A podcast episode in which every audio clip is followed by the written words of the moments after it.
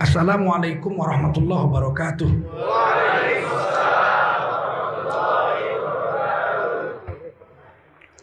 Hamdan wa syukran lillah wa salatan wa salaman ala rasulillah wa ala alihi wa sahbihi wa mawalah. Allahumma salli wa sallim ala hadha nabiyil karim sayyidina wa maulana Muhammadin wa ala alihi wa sahbihi ajma'in. Amma ba'du قال الله تعالى في كتابه العزيز.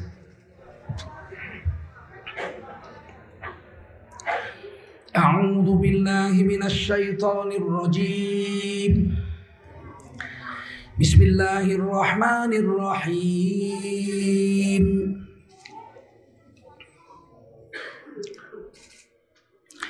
ما كان محمد أبا أحد من رجالكم ولكن ولكن رسول الله وخاتم النبيين.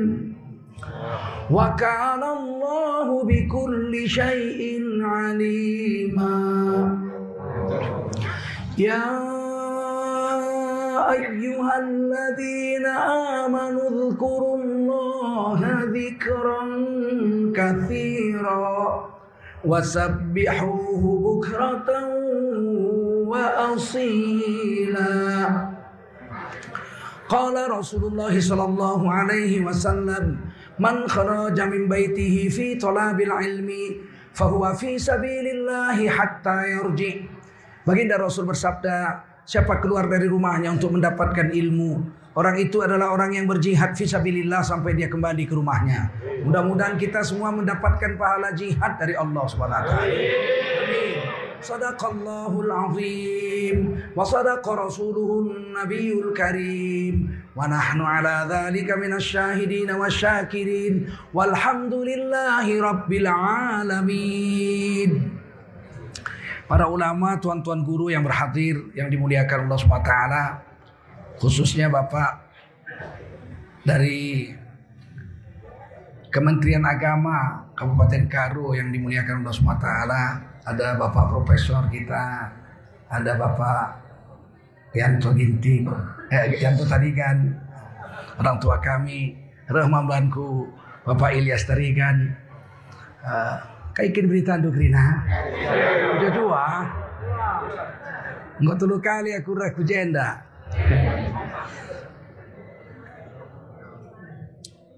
Masjid nanggo mejilikal.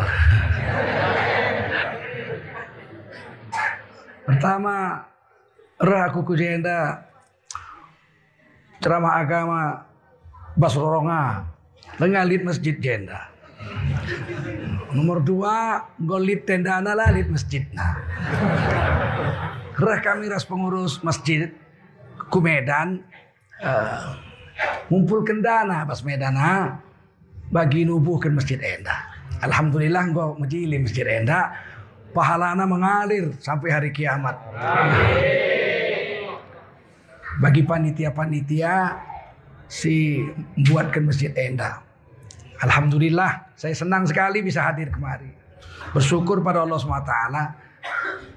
Hadirlah aku utanah karo enda, enda kota bu, kota bulangku enda ya. Nah. Bulangku perangin angin beres biring, asal kota bulu. Nah. Eh, lawas ku Medan, masuk istana gue jadi tengku. Tapi kalau karu kalau kalau Melayu bas Medana asalnya kalau karu jenda nari. Tahu? Jadi aku kalau karu kin orang angin bersemiring eh. Dua adik saya perempuan nikah dengan orang karu juga. Sada marga Sinolingga, sada nari marga Tarigan. Jadi biasalah nggak lupa lah kacang dengan kulitnya ya nggak? Masih dilarang juga makan kerbu putih.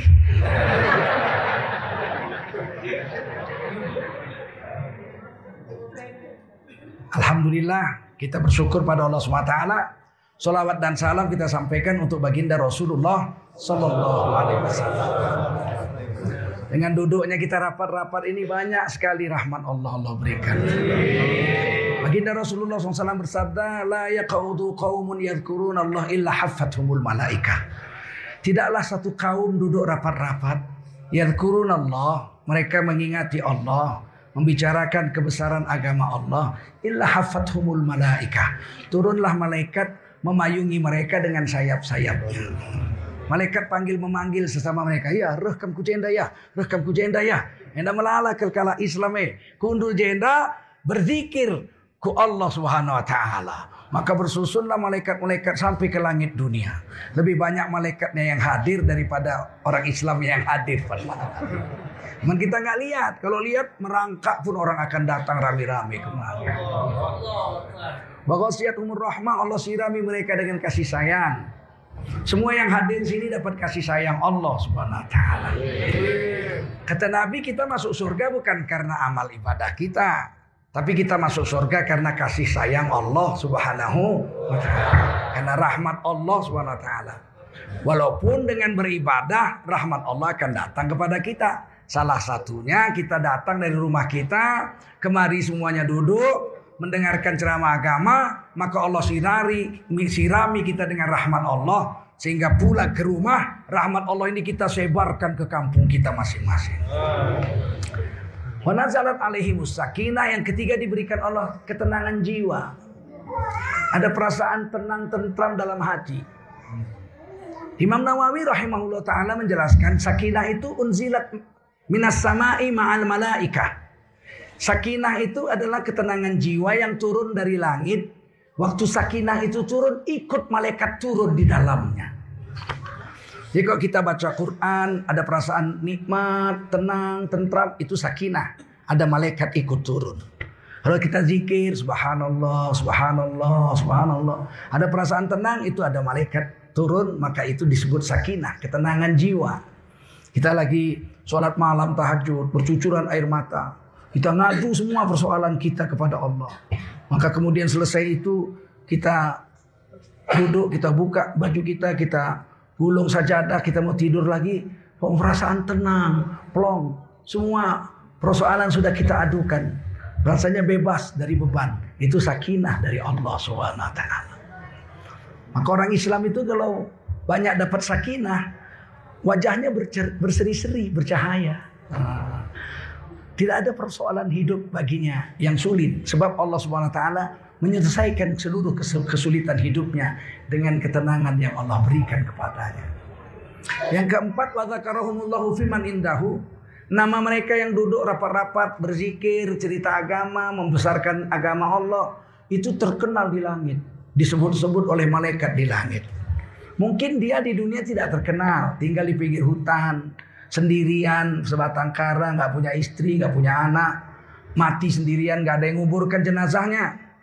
Karena dia tidak dikenal di dunia. Tapi kalau dia sering datang dalam majelis zikir sering datang dalam majelis taklim begitu dia wafat seluruh malaikat di langit memohonkan ampunan dan kemuliaan untuknya.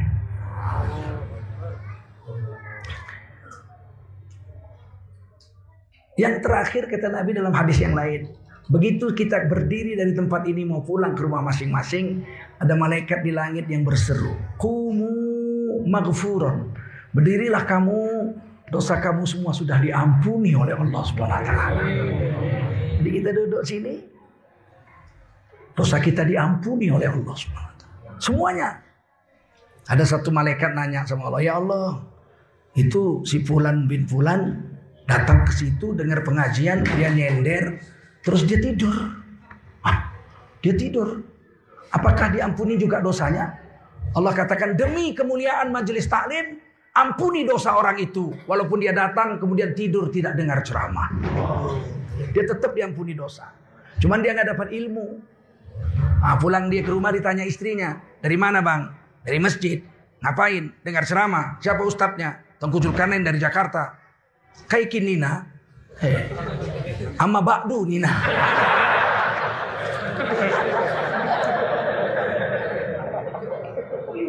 Rupanya amma ba'du terus dia tidur. Dia nggak dapat ilmu tapi dosanya tetap diampuni oleh Allah Subhanahu wa taala. Alangkah bahagianya kehidupan seperti ini. Dan yang paling hebat kita sudah punya masjid. Ini masjid ini baitun min buyutillah. Kata Rasulullah masjid ini salah satu rumah dari rumah-rumah Allah. Tentu tidak boleh diartikan rumah Allah di sini Allah tinggal. Rumah Allah bukan Allah tinggal di sini. Baitullah, Ka'bah, Baitullah rumah Allah. Bukan Allah tinggal di dalam Ka'bah. Maha suci Allah dari memerlukan tempat. Nah, ini akidah kita harus sunnah wal jamaah. Allah mewujud bila makan. Allah ada tanpa perlu tempat. Allah mewujud bila zaman. Allah ada tanpa ukuran waktu. Belum ada apa-apa Allah sudah ada. Betul? Disebut huwal awwalu, dia yang paling pertama. Nanti kiamat hancur semua. Allah tetap ada. Huwal akhiru, dia yang terakhir. Az-zahiru wal batinu. Allah tuh ada, tapi Allah juga batin. Tidak bisa dipagar dengan tempat. Allah di langit, Allah di aras, Allah di bumi. Oh tidak ada tempat yang mampu mengurung Allah.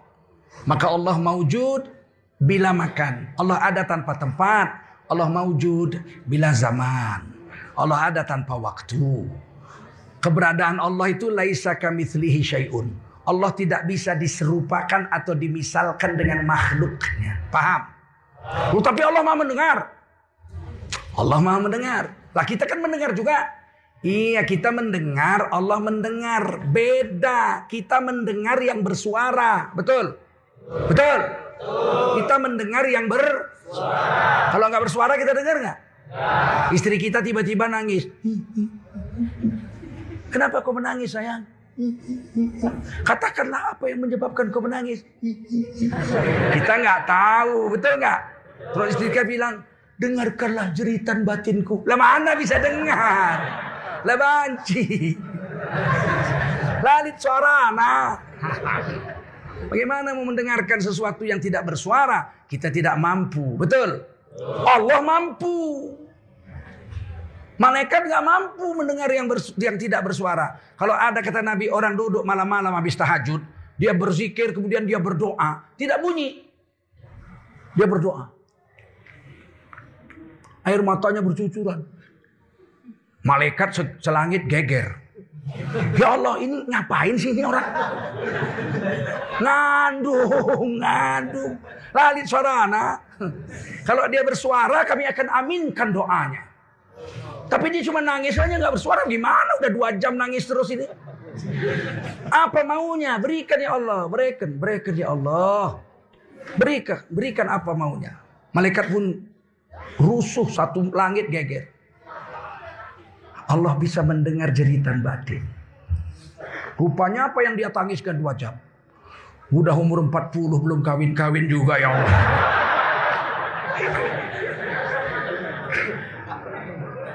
Mau dibunyikan malu dengar sama orang. Allah mendengar yang tidak bersuara. Allah mendengar jeritan batin. Wa wa ma kuntum taktumun. Allah tahu apa yang kau ucapkan. Tapi Allah juga tahu apa yang tergores dalam hatimu. Dulu tahun 60-an ada penyanyi Aceh yang pindah ke Malaysia namanya P. Ramli. Putih Ramli. P. Ramli. Saking hebatnya main film, buat lagu, ngarang lagu. Sampai digelar Tan Sri. Tan, Tan Sri itu di atas Datuk. Jadi kalau gelar orang kehormatan di Malaysia Datuk. Lebih tinggi dari Datuk Tan Sri. Itu dikasih oleh raja. Kalau Tengku nggak dikasih, itu dari bapaknya. Kalau bapaknya Tengku, anaknya Tengku. Paham? Kalau anaknya bapaknya sembiring, anaknya sembiring. Biarpun putih sembiring juga. Jadi dia ngarang lagu jeritan batin. Dia kepingin jeritan batin itu didengar oleh orang yang disayanginya. Mana dengar? Akhirnya dia lagunya aja judulnya jeritan batin, tapi dibunyikan sama dia. Dengar oh jeritan batinku. Orang diomongin dia dengar. Yang bisa mendengar jeritan batin hanya Allah. Betul? Malaikat pun tidak. Yang bisa melihat goresan hati. Allah maha melihat. Kita juga bisa melihat. Tapi kita bisa melihat benda yang konkret. Yang bisa dilihat. Betul? Kalau benda gaib kita nggak bisa lihat. Kalau benda yang gaib kita nggak bisa lihat. Misalnya apa kentut? Ada yang bisa lihat kentut? Ada nggak kentut? Bisa lihat? Siapa yang pernah lihat kentut? Nggak Jadi kita itu bisa melihat yang berbentuk, betul nggak? Bisa mendengar yang bersuara, betul? Allah maha mendengar, Allah bisa mendengar yang tidak berbunyi. Dan Allah maha melihat, Allah bisa melihat apa yang tidak berbentuk. Hmm, kamu berdoa dalam hati. Hatinya mengatakan, Ya Allah, Buatlah salah satu dari gadis-gadis di karuni jatuh cinta sama aku. Nggak bunyi. Allah dengar apa nggak? Makanya Allah tuh maha mendengar lagi maha melihat. Cara Allah melihat, kekuasaan Allah mendengar. Tidak sama dengan cara makhluk dan kuasa makhluk mendengar. Kita melihat terbatas. Kita mendengar terbatas. Allah tidak. Sampai sini paham? Oh, betapa hebatnya Allah. Jadi jangan banding-bandingkan Allah sama kita. Kita itu makhluk, Allah itu khalik. Kita ini diciptakan Allah. Allah tidak tidak diciptakan, Allah menciptakan makhluknya. Paham? Jangan ditanya lagi. Kamu siapa yang menciptakan? Allah. Allah siapa yang menciptakan? Loh. Allah tuh sang paha pencipta, paham? Kok ditanya siapa yang menciptakan Allah? Pencipta kok ditanya siapa yang nyipta? Oke? Okay? Nah Allah katakan ini rumah Allah. Nabi bilang ini masjid Baitullah. Rumah Allah. Jadi kalau rumah Allah, Allah di sini. Tidak. Terus kenapa disebut rumah Allah? Kata ulama, rumah Allah maksudnya rumah yang penuh dengan rahmat Allah. Harus ditawil. Rumah yang penuh dengan rahmat Allah. Mana buktinya? Masjid itu rumah yang penuh dengan rahmat Allah. Nah, Rasul menceritakannya dalam hadis sahih. Kalau kamu masuk masjid, langkahkan kaki kanan. Bacalah doa. Allahumma iftahli. Ikut semua. Allahumma iftahli abu aba rahmatik. Nah, itu artinya ya Allah bukakan olehmu untukku pintu-pintu, pintu-pintu, pintu-pintu, pintu-pintu, pintu rahmatmu. Pintunya banyak. Abwab. Kalau satu pintu bab. Apa? Bab. Kalau banyak pintu abwab. Allah maftahli abwaba rahmatik. Ya Allah bukakan olehmu untukku pintu-pintu, pintu-pintu, pintu-pintu rahmatmu. Kalau pintunya banyak, pasti rahmatnya lebih. Kalau orang Jawa itu kalau pintunya banyak, rahmatnya lebih banyak. Ah, gitu.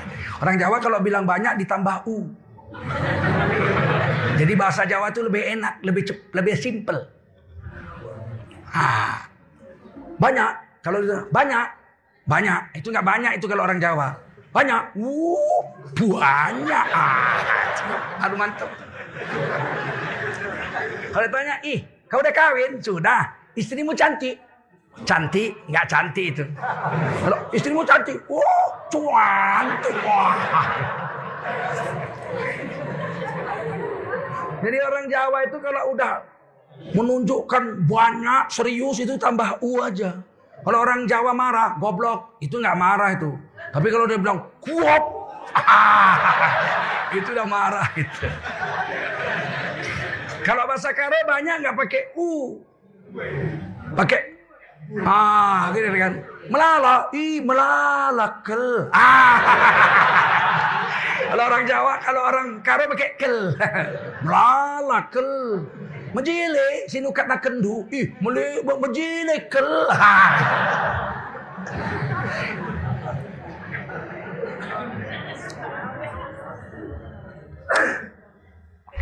Masuk masjid dapat rahmat Allah. Pintunya aja banyak, tentu rahmatnya lebih banyak.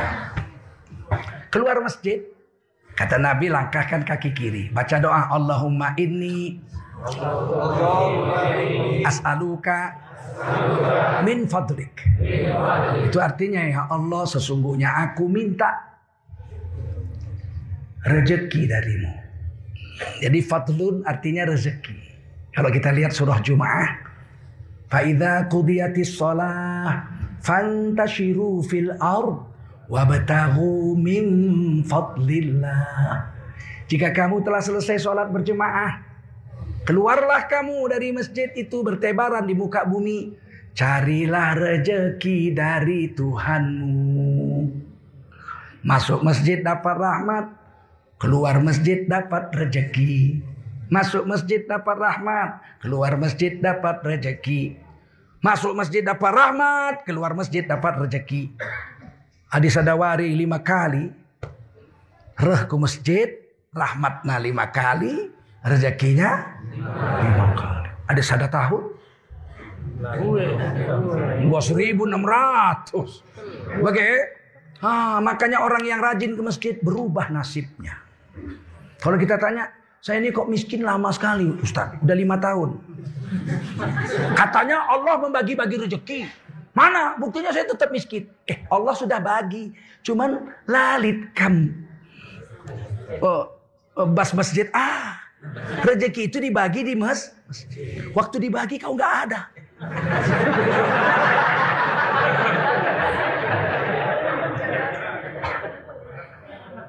Kalau mau berubah nasib, waktu Allah bagi rezeki, adalah kita di situ, ya nggak? Masuk masjid dapat rahmat, Keluar masjid dapat. Udah dibagi lima kali sehari. Nggak ada kam di situ. Kam bilang pula macam mana nih Tuhan sudah capek aku berdoa. Eh rezeki bukan hanya cukup dengan doa. Datangilah. Masuk minta sama orang dari rumah. Hei.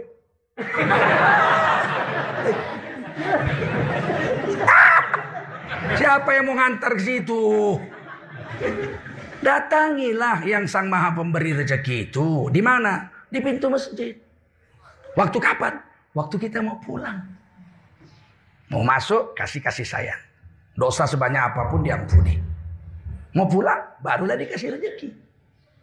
Kalau kita datang ke rumah kakek kita, kita datang ke rumahnya. Assalamualaikum pulang. Kaikin berita tu pulang. Cium tangannya i, urut-urut bahunya ya enggak. Sakit pulang.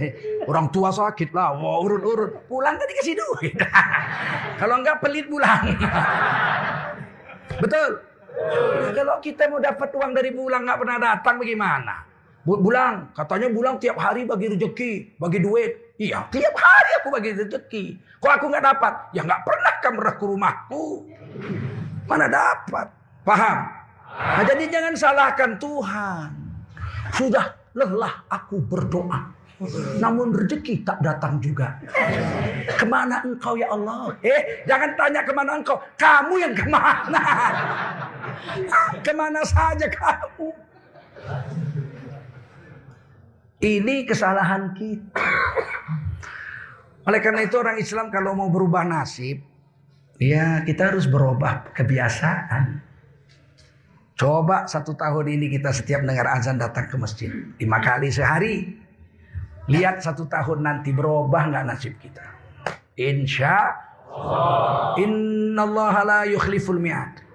Allah itu dia tak pernah ingkar janji. Kalau Allah udah bilang begitu, begitu itu. Tak pernah Allah ingkar janji. Yang selalu ingkar janji kan kita. Betul nggak? Walaupun aku harus menyeberangi lautan api engkau akan kejar wahai sayangku. Ah gombal. Kenapa dia berani bersumpah begitu? Karena nggak ada lautan api itu nggak ada.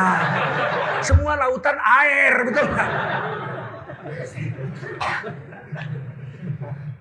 Karena Allah tidak pernah ingkar janji. Jika kau datang ke masjid, dapat rahmat. Pulang dari masjid, dapat rezeki. Itu hadis, betul. Janji Rasul, betul. Janji Allah sama. Ya ayyuhalladzina amanu idza nudiya lis-salati min yaumil jumu'ah fas'au ila dzikrillah wadharul bai' dzalikum khairul lakum in kuntum ta'lamun. Hai kamu orang beriman jika kau dengar panggilan azan salat Jumat tinggalkan semua kerja duniamu. Di situ tinggalkan jual beli. Kenapa jual beli? Yang ditinggalkan. Kalau macul di sawah nyangkol di ladang. Sedangkan jual beli aja ditinggal apalagi nyangkol. Cari makan yang paling cepat kaya itu jual beli. Betul nggak? Kalau petani, ampun. Ditanam kol. Orang mau dibeli dimakan pakai daging anjing. Ada janjinya kan? Ya murah lah, murah. Coba kalau kol dimakan pakai spaghetti di hotel bintang 5, mahal, betul nggak? Lagi kita ini petani yang beli petani, pedagang kampung. Dibelinya dari kita kol 500 perak, dijualnya hotel bintang 5 50 ribu. Yang kaya pedagang, petani begitu-begitu saja. Makanya dibilang yang disuruh tinggalkan pekerjaan itu pedagang. Sebab pedagang itu cepat kaya. Satu cincin bisa 2 juta. Coba. Padahal dimakan pun nggak kenyang.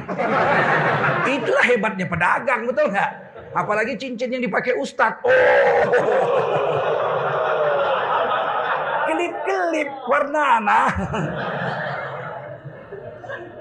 Tentulah pedagang yang kaya. Sejam pedagang bisa dapat 100 ribu, 200 ribu, sejuta, 2 juta. Petani sejam dapat apa? Oh, coba, petani sejam dapat apa? Pemulung sejam dapat apa? Tapi kalau pedagang satu jam dia bisa dapat banyak. Kata Allah tinggalkan jual beli. Zalikum khairul lakum in kuntum. Meskipun kau tinggalkan sholat Jumat sejam, tutup warungmu, berkurang sepertinya dengan akalmu bahwa masuk pemasukan uang masuk berkurang. Tapi dengan menutup warung, dengan menutup kedaimu, kamu pergi ke masjid, memenuhi panggilan azan, itu lebih baik jika kamu mengetahui apa yang ada di belakang itu. Faida kudiyatis sholah, jika kamu telah selesai sholat berjemaah, Fantashiru fil ard. Tinggalkan masjid itu. Pergilah bertebaran di muka bumi. Wabtahu min fadlillah. Carilah rezeki dari Tuhanmu. Wadhkurullaha kasiro. Habis sholat cari rezeki. Sambil cari rezeki zikir yang banyak. Distempel sama Allah. La'allakum tuflihun. Pasti. Kalau la'alla itu datangnya dari manusia. Mudah-mudahan tapi kalau la'alla datangnya dari Allah, pasti kamu akan sukses. Yang bilang Quran. Ya Allah, saya mau sukses. Tinggalkan rumahmu, pekerjaanmu ketika azan. Datangi sholat lima waktu. Setelah selesai kamu pergi kerja sungguh-sungguh. Sambil kerja zikir yang banyak. La'allakum tuflihun. Pasti kamu akan sukses. Seorang guru Mau pergi mengajar ke sekolah, sholat dulu subuh ke masjid. Habis itu baru pulang mandi pakaian pergi ngajar ke, ke sekolah. Sambil ngajar dia zikir yang banyak. Dia akan sukses. Seorang polisi lalu lintas, sholat dulu ke masjid. Kemudian pakaian dinas, kemudian kerja mengatur lalu lintas. Sambil ngatur lalu lintas, dia sambil berzikir. Mulutnya tiup sempit. Tapi hatinya la ilaha illallah. La illallah. Dia akan sukses. Seorang tentara. Sholat dulu ke masjid lima waktu. Subuh dia ke masjid. Baru pakaian dinas. Baru dia kerja ke kantornya. Sambil bekerja dia zikir. Maka dia akan sukses. Saya terima kasih pada Bapak Kapolres, Bapak Kapolsek dan jajarannya serta Bapak Dandim serta Bapak Koradan Ramil dan jajarannya yang telah berhadir, FPI juga, ada Kokam Muhammadiyah, ada ini udah Pemuda Muhammadiyah. Pemuda Muhammadiyah ada sini. Masya Allah. Senang sekali. Banser ada banser? Ada, ada. Ada, ada. Ada, ini banser. Jadi kita bersatu, kita teguh, bercerai, kita ruh. Jadi kalau semua orang sebelum bekerja ke masjid dulu, baru kemudian dia kerja sambil cari nafkah kerja, dia zikir yang banyak, Udah distempel sama la'allakum tuflihun. Pasti sukses. Kenapa zikir disuruh? Kenapa sambil kerja nggak kerja nggak nggak amal ibadah yang lain? Karena satu-satunya amalan yang tidak merusak pekerjaan adalah zikir. Kalau sholat berhenti dulu ya enggak? Nyetir mobil mau sholat berhenti, wudhu sholat berhenti dulu. Kalau zikir nggak perlu berhenti. Dan tidak merusak pekerjaan. Ada orang nyetir, tiba-tiba mundur sendiri mobil. Eh, eh, eh, eh. ini gara-gara zikir. Ah, tidak mungkin. Betul. Ada orang macul tiba-tiba paculnya nggak mau turun. Ini gara-gara zikir nggak mungkin. Sambil naik sepeda kita bisa zikir ya nggak? Subhanallah walhamdulillah wala ilaha illallah. Jadi mata kita pun bagus. Coba kalau nggak zikir, dayung, lihat perempuan, wih. Lihat perempuan lain, waduh. Lihat lagi, wih, wih. Tidak ada manfaat apa-apa. Betul? Quran sudah bilang, mau berubah nasib datang masjid. Hadis sudah mengatakan mau berubah nasib datang ke masjid. Nah sekarang heran kita orang Islam tuh kok banyak miskin. Tanah air kita ini ya Allah. Orang Jawa menggelarnya berapa itu? Panjang. Panjangnya kalau naik kapal terbang dari Aceh ke Papua 8 jam. Itu sama dengan Medan ke Jeddah. Sama dengan Australia ke India, Andaman. Sama dengan dari Boston ke California. Panjangnya Indonesia itu. Lautnya 99 ribu kilometer bentang lautnya. Nomor dua terluas setelah Kanada. Dan laut kita asin karena laut kita di Katulistiwa. Nggak campur-campur es. Laut Kanada campur-campur es kurang asin. laut kita asin. Jilat lahir laut pasti asin. Lebih asin dari keringatmu. Betul. Plus plus apa Orang Jawa menggelar negara kita ini panjang, punjung. Semua ada. Timah ada, boksit ada, nikel ada, emas ada, gas bumi ada, minyak bumi ada. Betul nggak? Minyak sawit ada, ya nggak? Semua ada. Semua ada. Punjung. Gemah ripah loh jinawi. Toto tentrem kertora harjo. Itu orang Jawa bilang. Kalau Kus Plus mengatakan bukan lautan, hanya kolam susu. Ah, ini Indonesia bukan lautan, tapi kolam susu. Airnya bisa diminum. Apalagi air beras tagi ya enggak? Air paret pun bisa diminum ya. Dulu di Medan tahun 70-an, 60-an, air paret itu seperti air hujan bisa diminum bersih. Kami kalau cari kayu ke semak-semak haus, itu bawa arit kan, bawa parang. Arit itu dicari pohon pisang. Nah, di pelepah pisang yang bawahnya itu dibacok pakai arit. Cup. Begitu aritnya dicabut keluar air. Cir, tinggal buka mulut. Dingin macam air kulkas. Itu kulkas alami nggak perlu pakai listrik. Air yang ada di pelepah bukan lautan, hanya kolam susu. Airnya bisa diminum. Kail dan jala cukup menghidupimu. Bayangin. Dulu orang kalau ke sawah itu bersihkan rumput bawa pancing satu aja. Satu. Begitu setengah jam lagi zuhur, ah udah mau zuhur nih, cuci-cuci kaki. Tangkap kodok. Banyak anak kodok dulu di sawah. Di sawah dulu banyak kodok, apalagi cebong. Banyak di sawah. Tinggal ambil aja tap, udah tahu pancing. Nah, dicari lubang di pinggir-pinggir galangan sawah itu. Asal ada airnya, pancing bunyi mulutnya. Tarik belut. Ambil lagi kodok tuh. Dapat belut. Asal ada airnya pasti ada belutnya. Asal ada lubang nggak ada airnya jangan pancing. Nanti dapat ular. Ha. Oh, pengalaman. Satu kail anaknya sepuluh makan semua. Betul. Sepuluh anaknya makan semua. Belut. Itu satu kail, satu pancing. Kalau sepuluh pancingnya. Mau masuk sawah dia tangkap kodok. Dah tancapkan. Sup satu, dua, tiga, empat, lima, enam, sepuluh. Dia kerja. Setengah jam lagi mau zuhur dia cuci kaki dia cabut. Badau, lili, belut, betik. Ya enggak? Ada semua betul. Anaknya makan semua ikan yang baru, masih manis, harum. Dulu.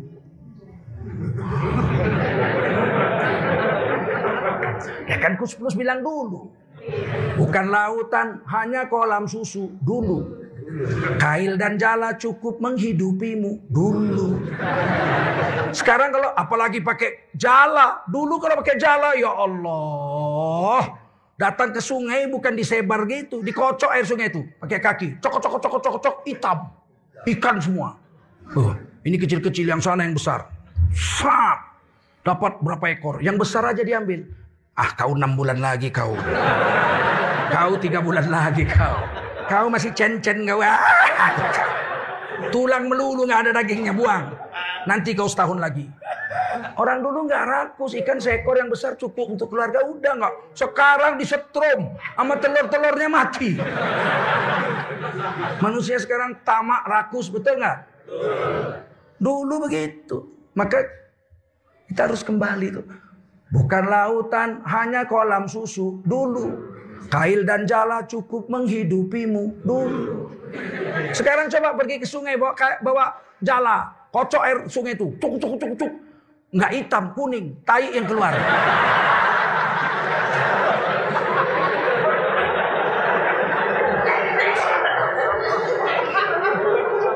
Sudah Allah cabut berkat, betul?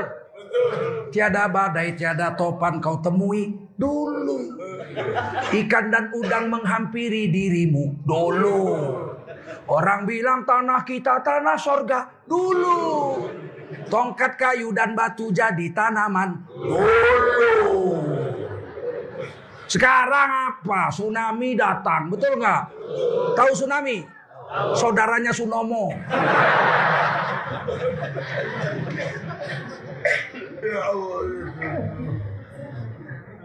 Kenapa bisa terjadi seperti itu? Karena kita tidak seperti orang dulu.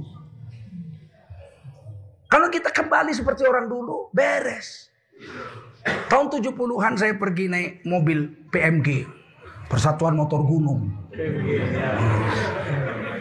Dari Medan kemari itu, busnya itu dari kayu. Kayu busnya.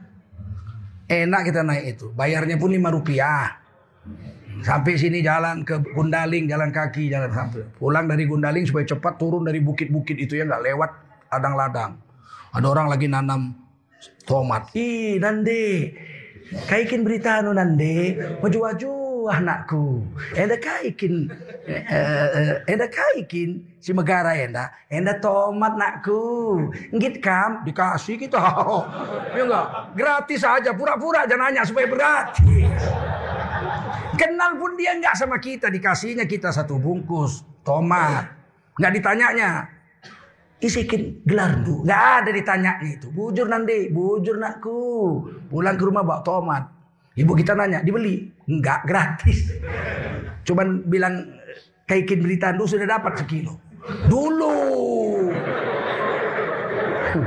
Sekarang kaikin berita dulu. Menjuah-juah. Menjilekel tomat. Nah, iya. Kalau menjilik kenapa rupanya? Bagaimana kita mau seperti dulu? Kita nggak seperti orang dulu, betul? Kalau kita mau berkah seperti orang dulu, kita harus hidup seperti orang dulu. Orang dulu tahunya cuma fatihah sama kulhu. Gak ada yang lain. Sholat dia, rokaat pertama fatihah kulhu. Rokaat kedua fatihah kulhu. 17 tahun itu aja. Betul, itu aja tahunya. Apa tahumu? Fatihah sama kulhu. Sudah itu aja. Tapi yakinnya sama Allah itu putus. Sedang nyuci baju dia di sungai. Lepas sarungnya. Lagi dicuci sarungnya lepas. Hanyut. Cepat airnya kan kencang. Nangis dia. Aduh ya Allah. Sarungku lepas. Bagaimana aku mau sholat sarung cuma satu. Balik itu sarungnya.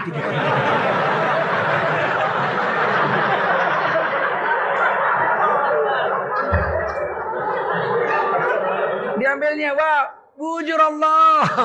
Sudah pulang sarungku. Daud itu dia diam aja sampai rumah pulang biasa aja nggak diceritakannya. Tahu kamu apa itu sarung lepas? Ku gini kan balik sarung. Nah ada orang dulu tuh polos-polos jujur-jujur betul. Sekarang sombong, pembohong, sok jago. Akhirnya yang rugi dia. Ada cerita orang kampung, ini cerita orang kampung. Pembohong, cerita orang kampung. Dia cari kayu di hutan. Suatu hari dia pulang, luka-luka, bajunya robek-robek. Rupanya dia terpleset, jatuh ke jurang. Robek-robek bajunya. Terpincang-pincang dia sampai kampung. Ditanya orang kampung. Ya, kenapa kau luka-luka begini bajumu robek? Aku tadi jumpa harimau. Jumpa harimau. Jatuhnya dia ke tebing. Jumpa harimau. Oh, harimaunya merekam aku. Silat lah. Wah, percuma aku guru silat. Silat. Capek juga lah. Tapi lama-lama kalah harimau tuh. Walaupun robek-robek bajuku terbirit-birit dia pergi. Kena tampar sama aku. Ku jewer kupingnya. Hebat ya enggak? Udah. Berapa bulan kemudian luka-luka lagi. Jatuh lagi. Terpeleset. Bilang. Uy, macam mana kau? Ini hari, ini mamaknya harimau yang dulu. Wah, bohong aja. Orang kampung cerita lah di warung kopi. Hmm, kok bukan main dia tuh di kampung kita yang berani ngelawan harimau cuma dia. Satu hari lagi ngobrol-ngobrol, datang harimau betul. Ah, semua lari, dia pun lari juga. Ditutup kawan pintu. Ah, kau silat, kau saja yang bisa menyilatnya. Kami nggak bisa. Terkenceng-kenceng. Ketahuan bohongnya ya. Nggak usah sok jago. Jujur saja, paham. Begitu yang diajarkan oleh nenek-nenek kita dulu. Maka kalau mau kembali seperti dulu. Dulu masjid kecil dari bambu. Tapi kalau sudah azan penuh anak-anak orang tua datang. Pakai obor. Ngaji hmm, di masjid. Ngajinya lagunya sama semua se-Indonesia. Alhamdulillahi Rabbil Alamin Ar-Rahmanir Rahim Maliki Yaumiddin Seluruh Indonesia begitu lagunya Berarti orang awam Tapi kalau ulama lagunya Hijaz Bismillahirrahmanirrahim Alhamdulillahi Rabbil Alamin Ar-Rahmanir Rahim Ah ini orang alim ini Walaupun masjidnya suraunya dari bambu, nggak ada listrik, cuma pakai obor. Tapi anak-anak penuh ke masjid, orang-orang penuh ke masjid. Di mana-mana terdengar suara ngaji. Hidup kampung itu berkah, rakyatnya makmur, sejahtera. Begitu sudah kaya punya listrik, masjid nggak ada lagi datang. Subuh cuma 11 orang, imam sama muajin sebelah-sebelahan.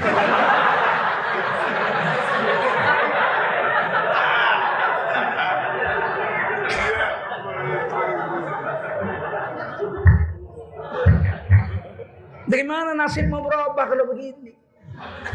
Yang azan udah umur 80, napas empat kali sambung. Hayya alas sholat. Ke mana yang muda-muda ini ke mana? Ih bergekel. Iya, kakek kita pun bergeh juga nya. Dia datang masa kita nggak datang? Datang supaya berubah nasib, insya Allah ya. Datang kita. Datang dapat rahmat, pulang dapat rezeki. Nasib kita berubah. Negara kita jadi adil mak. Ikan penuh lagi. Oh, semua sekarang ini selain berkurang, keberkahannya juga kurang. Dulu, ah, cerita dulu. Dulu waktu saya kecil ibu saya itu paling suka di, di mejanya itu ada vas bunga, isinya bunga sedap malam. Paling suka ibu saya itu. Kalau sudah jam 9 malam kami mau tidur, itu tugas saya laki-laki. Keluarkan itu bunga keluar rumah. Letakkan di teras luar rumah. Saya bilang, kenapa rupanya kalau di rumah Umi? Mabuk nanti kita. Satu rumah. Saking harumnya. Maka malam disebut sedap malam. Kalau malam tuh harumnya berkali-kali lipat dari siang. Taruh di luar. Kalau siang baru taruh di dalam. Begitu harumnya. Eh sekarang bunga sedap malam tuh dijadikan sup saya pernah datang rumah orang kaya, sup. Sup apa ini? Bunga sedap malam. Ih, takut aku. Baunya aja mabuk, apalagi dimakan. Itu dulu. Sekali saya makan kerkes-kerkes enak sekali sup bunga sedap malam itu rupanya. Dulu memabukkan itu kalau dalam rumah. Sudah dicabut keberkatan. Harumnya nggak hebat lagi. Dulu kalau ada orang nanam bunga kenanga di halaman rumah, satu gang itu dibilang ada kuntilanak. Tuh cium dari ujung ke ujung, ya enggak? Betul enggak? Kalau nanam bunga kantil, orang nggak boleh lewat kalau malam. Kenapa? Ada gendruwo. Siapa gendruwo? Bapaknya Sontoloyo.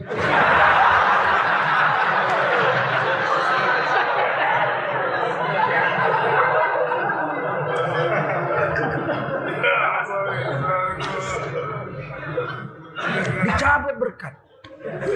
Dulu kalau tahu goreng, cabenya itu dimakan satu aja pedasnya setengah jam. Kenapa sih kau makan cabai? Coba sekarang makan tahu goreng. Lima cabai rawitnya nggak terasa. Kenapa? Allah sudah cabut berkat. Orang dulu kalau ibu marah dikutuk anaknya, langsung jadi batu. Iya enggak? Anak durhaka wa ango jadi paling kundang. Sekarang apa? Oleh karena itu mari kembali pada agama. Insya Allah ya. Sudah ada masjid menjili macam gini. Jangan dikosongkan masjid ini. Datanglah. Berubahlah nasib. Kalau banyak problem kita, banyak masalah kita, sudah susah kita menyelesaikannya. Kita datang ke masjid khusus. Bukan waktu sholat. Orang nggak ada datang kita. Duduk di sini di depan mihrab ini. Kita sholat dua rakaat nangislah ngadu di sini di depan mihrab ini. Karena rahmat Allah itu turun di masjid. Khairul biqa'i ala wajhil ardi masajiduha. Tempat terbaik di atas dunia adalah masjid-masjidnya. Rahmat Allah itu turun di masjid. Yang nomor satu kena imamnya. Yang nomor dua kena sop pertama sebelah kanan. Baru sop pertama sebelah kiri. Baru yang ketiga sop kedua sebelah kanan. Dapat rahmat. Baru sop kedua sebelah kiri. Baru yang ketiga sop ketiga sebelah kanan. Baru sop ketiga sebelah kiri. Maka kata Nabi khairus sof rijal awwaluha. Sop yang paling banyak pahalanya bagi laki-laki yang pertama, sop paling depan. Wasarruha akhiruha. Yang paling kecil pahalanya, yang paling belakang yang paling kecil pahalanya. Di rahmat pertama kena kepada imam. Maka di sinilah tempat yang paling banyak rahmat Allah. Lima kali pertama turun netes pertama di sini. Jadi kalau kita ada masalah datang sini, di sini. Minta tolong sama Allah di sini. Paham? Selesaikan masalah dengan Allah.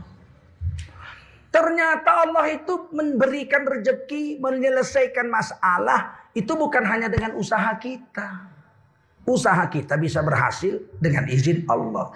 Kalau tidak berhasil, berarti Allah tidak izin. Fa'idha azamta fatawakkal Allah. Jika kamu telah berusaha setengah mati, sungguh-sungguh. Fatawakal Allah, serahkan sama Allah. Kalau berhasil, Alhamdulillah. Tidak berhasil, sabar. Itu usaha. Bisa jadi dapat, bisa jadi tidak. Rezeki bisa datang dengan kerja, bisa. Tapi dengan izin Allah. Saya kerja nih, jadi supir. Satu, satu bulan gaji saya 3 juta. Ya saya dapat rezeki, habis bulan dapat rezeki. Dengan kerja jadi supir. Bisa dapat, Alhamdulillah. Apakah setelah saya jadi supir sebulan pasti dapat rezeki? Belum tentu. Tergantung Allah. Ada satu orang guru Ngajar di sekolah, sekolah besar, 10 ribu muridnya. Dia guru olahraga, guru karate. 26 hari dia ngajar. Senin, Selasa, Rabu, Kamis, Jumat. Sabtu, Ahad libur. Habis bulan dia gajian. 3 juta dikantongi. Badannya keker, pemain karate. Dikantongi, naik angkot. Naik sudako kalau di Medan. Duduk, tertidur. Bangun-bangun sampai rumahnya dia turun. Dicopet orang. Mana takut orang nyopet pemain karate kalau tidur. Kalau nggak tidur takut tidur kecopet. Dia bilang sama istrinya, matilah kita nggak makan. Kenapa? Duit gaji dicopet orang. Pemain karate pun nangis. Habis uangnya hilang. Istrinya pun nangis seharian nangis hari Minggu sampai matanya bengkak. Hari Senin datang ke sekolah, mata bengkak. Kepala sekolah heran, ya. Pak Ginting ini guru karate kok bengkak matanya. Ngandung kam, uai, eh, diberukam lah. Aku bukan membuat, aku nangis sedih kali pak. Satu bulan aku kerja pak kepala sekolah. Gajiku dicopet orang. Habis matilah aku gak makan satu bulan ini. Apakah mati dia tidak makan? Tidak Allah beri rezeki lewat jalan yang lain. Inna Allah. Allah beri rezeki pada siapa Allah mau. Apa kata kepala sekolah? Dah tenang Pak Ginting. Ini hari Senin kita upacara dulu. Nanti insya Allah diselesaikan. Upacara bendera 10 ribu muridnya. Kepala sekolah bicara, saudara-saudara, dewan guru dan anak murid sekalian. Hari ini guru olahraga kita Pak Ginting dapat musibah. Gajinya kemarin dicopet orang di Sudaku. Sama pencopet kurang ajar itu. Maka mari kita bantu meringankan beban beliau. Nanti jam pertama akan datang kardus. Tapi kardus kita beli, jangan minta sama KPU.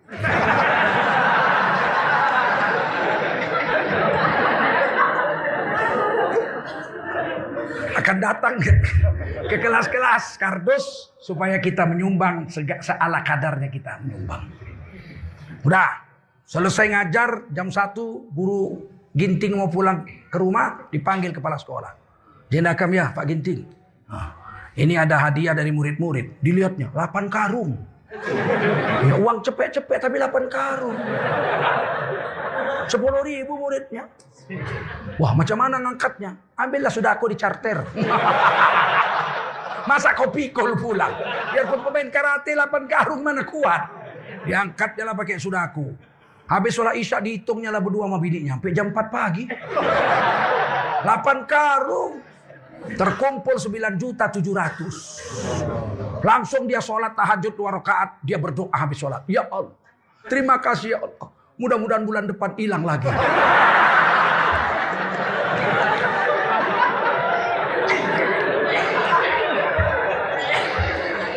Ternyata rezeki bisa datang lewat kerja, tapi bisa tidak datang lewat kerja. Malah datang lewat musibah. Paham? Datang lewatmu. Saya tanggal 26 kemarin ke Aceh. Ceramah tsunami, peringatan tsunami 14 tahun. Ustaz Abdul Somad di Pasar Banda Aceh, saya di lap, apa kapal terapung PLN itu, Pak Prabowo di Lampu. Tempat yang hancur semua, nggak ada lagi bangunan yang tinggal kecuali sebuah masjid yang kubahnya hitam, yang badan masjidnya warna putih, satu-satunya bangunan di itu saya ke Lampuk tuh, sambil moto itu sambil nangis saya. Ya Allah, puluhan bahkan ribuan rumah hilang tanpa bekas, tapi rumahmu tetap gagah berdiri. Waktu moto itu saya nangis-nangis. Ya Allah. Nah, kita adakan peringatan tsunami. Ternyata 300 ribu lebih orang Aceh wafat kena tsunami. Setelah beres semua dibersihkan. Ternyata rezeki datang. Dibangun rumah oleh seluruh orang sedunia. Amerika, Indonesia semua nyumbang. Ya enggak? Jadi rumah ratusan ribu rumah. Sedangkan yang punya sudah mati. Akhirnya tukang nasi goreng yang ada di Kepanjahe, yang ada di Medan asal punya KTP pulang. Saya orang Aceh, minta rumah satu. Ya.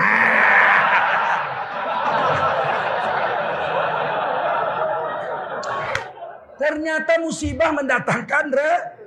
Kalau buat rumah dari jual nasi goreng mau berapa tahun baru selesai ya enggak? Ulang aja modal KTP ini, KTP minta rumah satu berapa? Satu menit dapat rumah. Allah memberi rezeki kepada siapa Allah Bisa datangnya lewat kerja, bisa datangnya lewat musik. Bisa datangnya lewat zikir. Saya tahun 80 Pulang ke, ke pergi jalan-jalan ke Jakarta naik bus. Kata bapak saya naik naik kapal terbang aja, cuma 25 ribu. Saya bilang nggak mau, saya mau naik bus. 13 hari baru sampai Jakarta. Jalan tanah, nyebrang rakit, ketemu gajah, itu senang ya anak, namanya anak muda ya nggak? Anak muda asal jangan jumpa singa harimau lah. Kalau jumpa gajah senang aja nih kita ya nggak? Jumpa kuntilanak pun nggak takut kita. Kalau cantik kita bawa pulang ya kan. Ya Allah, sampai di Bukit Tinggi, dingin macam beras tagi. Bukit Tinggi, waktu itu uh, Bukit Tinggi dingin sekali. Sholat subuh menggigil, saya pakai jaket itu. Kemudian duduk saya paling depan, saya duduk dekat pintu keluar dari depan, duduk paling depan. Orang ada yang jalan-jalan, jalan-jalan ya foto belum ada, selfie belum ada waktu itu selfie. Tiba-tiba penumpang sudah naik semua, ada orang zikir di belakang, masuk dari pintu belakang. Subhanallah, walhamdulillah, wala ilaha illallah, wallahu akbar. Subhanallah, alhamdulillah. Lagunya begitu masih ingat saya sampai sekarang. Wala ilaha illallah, wallahu akbar. Saya lihat Rupanya orang buta.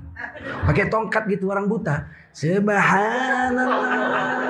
Alhamdulillah. Wala ilaha illallah. Allahu Akbar. Subhanallah. Begitu dia turun, saya ikut turun. Ah, ah, ana di buaya ko ba ay ko lang boy dado bang dak dape melihat lagi boy ko ah, mengalih lah bu cari duit lah udah nggak bisa lihat. Ana di na dicali katanya. Dado ay ko lah dengan zikir ko dape juga duit? Saya tanya satu hari bisa dapat berapa? Oh tergantung rezeki. Kadang 40 ribu kadang 50 ribu. Waduh kalau 50 ribu naik kapal terbang pulang balik Jakarta Medan, Bung. Satu hari cuman.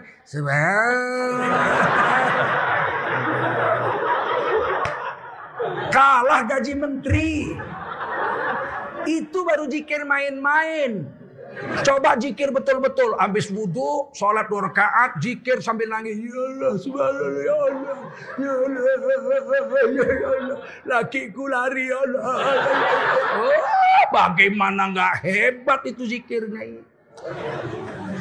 Ternyata jikir bisa menyelesaikan masalah dan mendatangkan re. Ini kata Quran. Kata hadis. Jangan kata akal kita. Ah, Zaman sekarang ini kan susah. Kerja aja banting tulang setengah mati nggak dapat duit.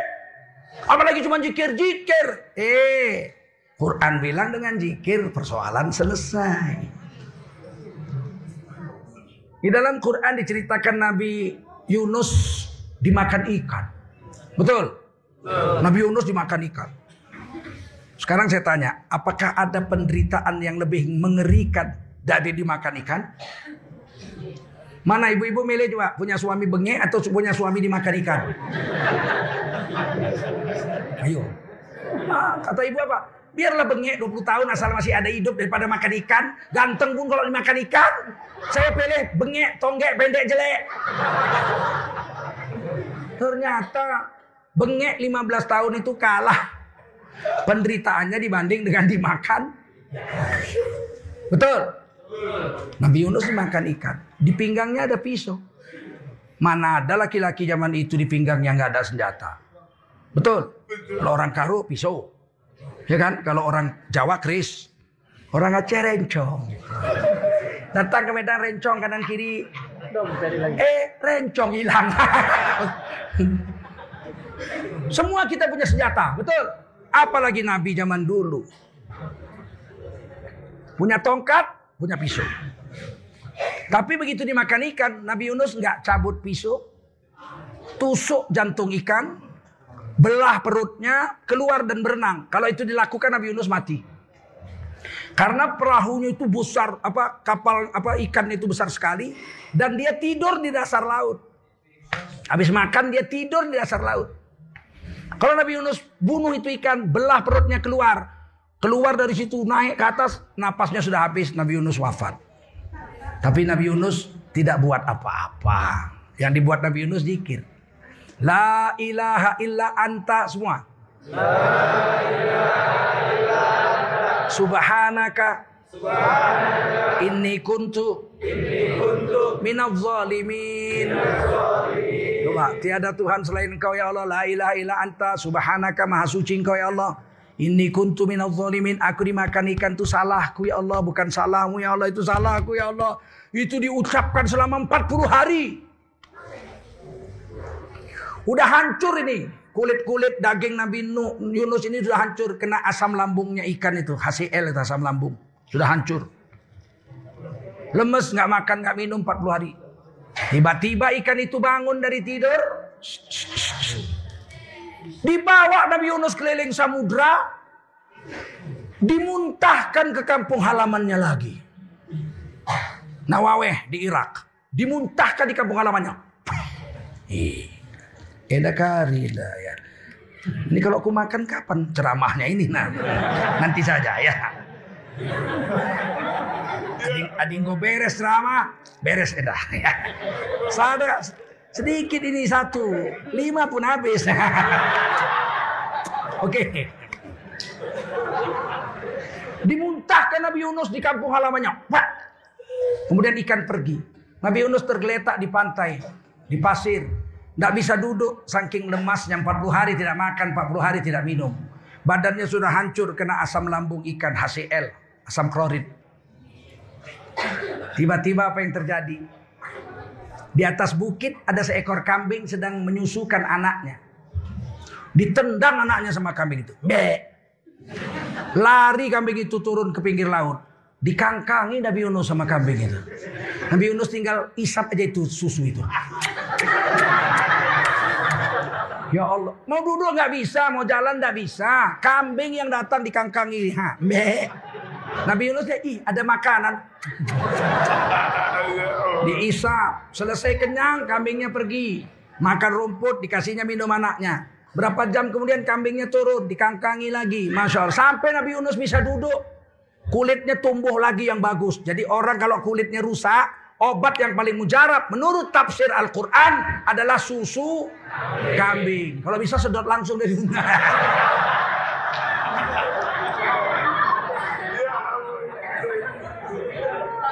Kan ini mujizat, betul nggak? Coba kita tes, ada kambing nyusukan anaknya, sepak anaknya, tidur di bawahnya kita. Isaplah kalau nggak diinjek-injek kambing itu kita. Nabi Yunus datang kambing itu, betul nggak? Sampai selesai, sampai sehat. Bisa duduk, bisa berdiri. Tumbuh di sampingnya pohon labu, langsung berbuah. Langsung cabut pisau, potong labu, belah, dimakan. Jadi kata Allah, obat sakit perut yang paling manjur adalah la obat kulit yang paling manjur adalah minum susu kambing. Selesai Nabi Yunus pulang ke kampungnya. Sedeng. Ternyata kaumnya semua sudah tobat dan masuk Islam 100%. Dengan zikir Allah selesaikan urusan dakwah, Allah selesaikan urusan dimakan ikan dan Allah selesaikan urusan makan dan minumnya. Yakin nggak dengan zikir? Yakin nggak? Makanya kata Allah wadhkurullaha katsira. Zikirlah kamu yang banyak. La'allakum tuflihun. Kamu akan sukses dunia akhirat. Bisa juga rezeki datang, persoalan hidup selesai dengan takwa. Wattaqullah. Takwalah kamu. Kata Allah, "Wa may yattaqillaha yaj'al lahu makhraja." Barang siapa yang bertakwa kepada Allah, Allah carikan jalan keluar dari kesulitan hidupnya. Wa yarzukhu min haitsu la yahtasib. Dan sebagai bonusnya Allah berikan rejeki darinya tanpa dari jalan yang tidak disangka-sangka. Ini ayat satu hari seorang sahabat Nabi. Gak ada duit. Pulang sholat zuhur dari masjid, panas terik, sampai rumah nanya sama istrinya, wahai istriku, ada makanan nggak? Kata istrinya nggak ada bang. Duit ada nggak? Gak ada. Yang cari duit kan abang. Saya kan tinggal terima bersih aja. Kata suaminya yaudah saya minta sama yang maha kaya. Dia wudhu, dia pergi ke masjid, dia sholat dua rakaat. Wasta'inu bisobri wassalah. Minta tolonglah dengan sabar dan sholat. Sholat juga menyelesaikan kesulitan hidup. Sholat dua rakaat, doa nangis-nangis pulang ke rumah. Udah ada makanan. Kata istrinya belum. Balik lagi, sholat lagi. Balik lagi ke rumah. Udah, ya abang yang cari makan bukan aku. Katanya abang yang nyari kok nanyanya sama aku. Gitulah kira-kira. Balik, balik, balik. Akhirnya suaminya ini pingsan di tengah jalan. Sadar dari pingsannya dia sakit perut. Dia pergi ke pinggir semak-semak. Kalau di sinilah. Sana di samping-samping bukit-bukit batu. Dia buang air. Sedang buang air besar, tiba-tiba di depannya ada lobang. Keluar tikus. Meletakkan sekeping uang emas. Wow, dulu kan uang cuma emas atau perak ya. Kalau nggak dinar, dirham. Kalau perak dirham, kalau emas dinar. Uang dinar satu keping. Terus tikus itu masuk ke lubang. Keluar lagi satu keping. Masuk lagi, keluar lagi satu keping. Masuk lagi, keluar lagi satu. 17 keping. Setelah 17 keping, tikus nggak keluar lagi. Dia pun istinja, dia bawa ini 17 keping uang emas, dia berlari-lari ke rumah Nabi. Bukan ke rumahnya. Dia ketuk pintu Nabi. Nabi bilang siang-siang ngapain sih? Nanti minumnya, nanti, nanti ya minumnya nanti. Ya minumnya nanti, nanti setelah selesai ceramah kita ada silaturahim.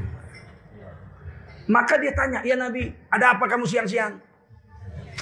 Saya ini ada uang ya Nabi.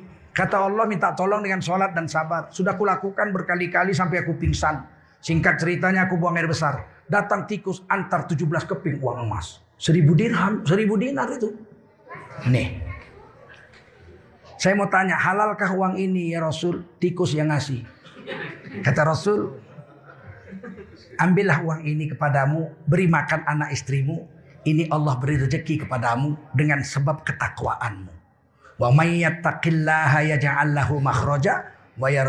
min. Siapa bertakwa pada Allah, Allah selesaikan kesulitan hidupnya dan bonusnya Allah beri rezeki dari jalan yang tidak disangka-sangka. Tikus ngasih rezeki. Dia bawa pulang, dia kasih makan anaknya. Selesai. Sampai di situ. Coba kita. Buang air besar tiba-tiba ada tikus bawa emas. 17 keping terus masuk nggak keluar lagi. Pulang ke rumah ngambil sekop. Entah masih adanya tujuh keranjang lagi di dalam.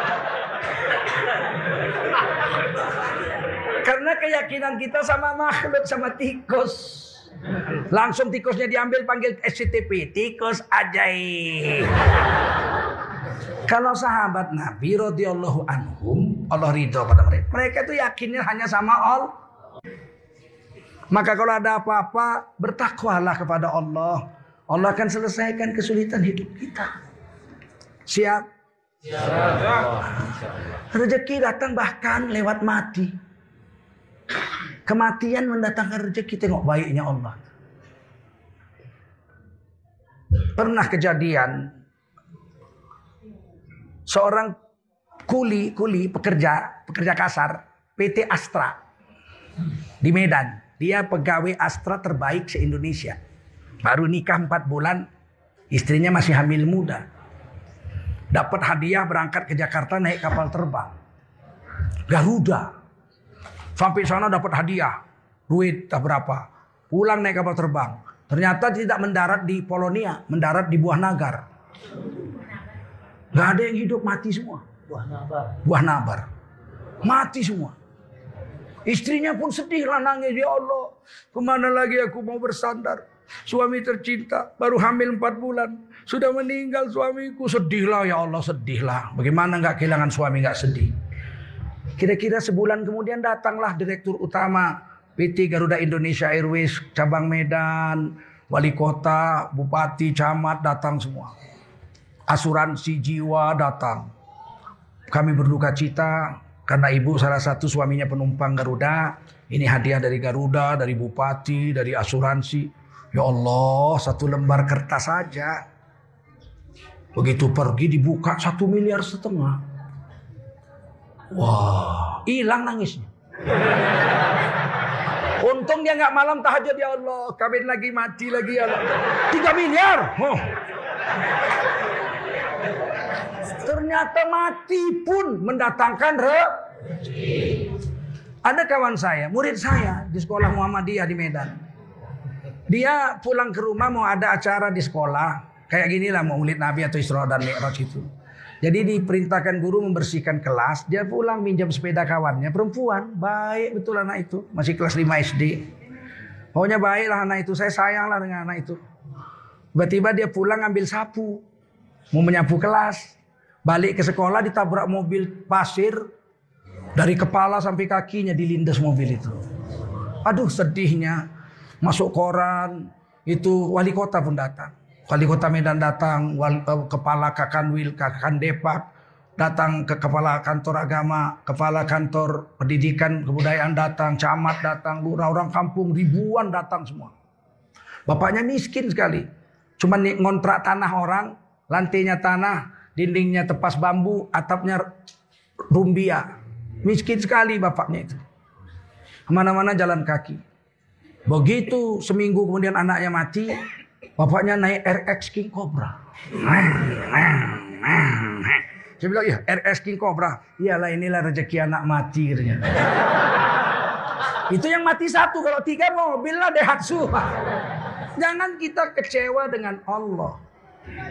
Allah memberi rezeki lewat berbagai cara apa Allah ma.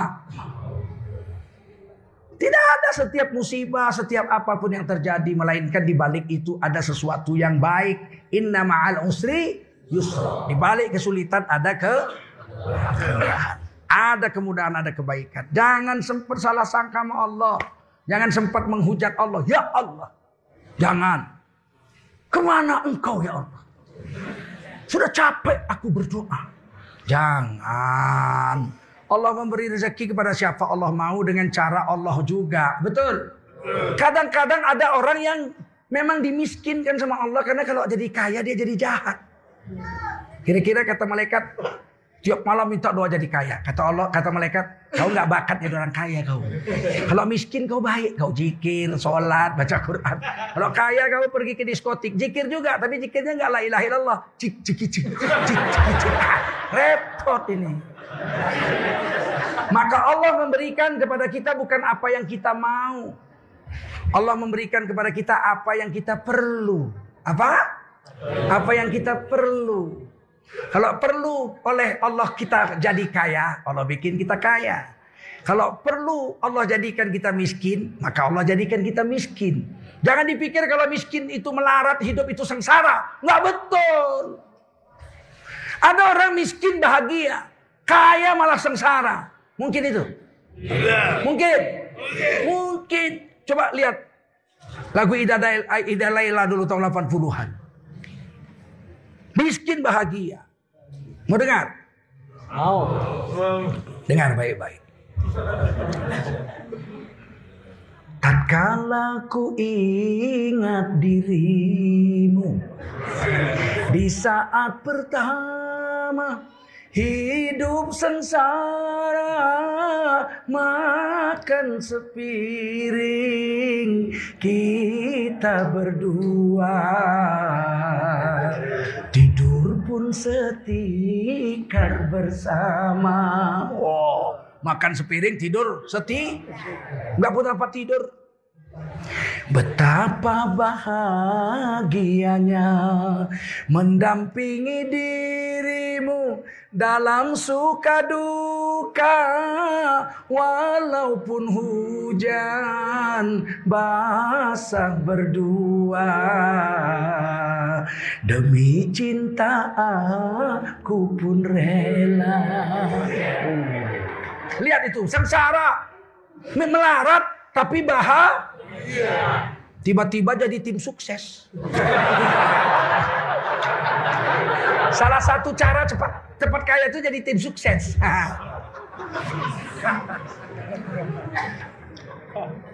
Wih, begitu jadi tim sukses, menang yang didukung, dapat borongan, mendadak berubah. Jadi direktur, duit banyak naik mobil, punya sekretaris. Biasa Sabtu Minggu pulang bantu istri motong ubi. Bikin sambal keripik ubi dijual di SD Impres. Istrinya berkeringat dilap. Sabar ya dek. Nanti kalau abang kaya dek. Aku akan membahagiakanmu sayang. Dikecupnya keningnya. Nungsep istrinya ke bawah ketiaknya. So. Tidak terasa bau itu keringat. Karena sayang. Betul. Ternyata berubah jadi kaya, jadi direktur ke mana-mana naik mobil. Sabtu minggu tak pernah pulang lagi. Gak pernah pulang lagi Sabtu Minggu. Istrinya rindu. Ditelepon istrinya. Kering, kering, kering, kering. Dilihatnya HP-nya. Kering, kering. Oh ada, ada teleponnya. Tertulis itu, Kopassus. Laki-laki sekarang nih bininya ditulisnya Kopassus. Giliran selingkuhannya ditulisnya itu, Direktur Utama.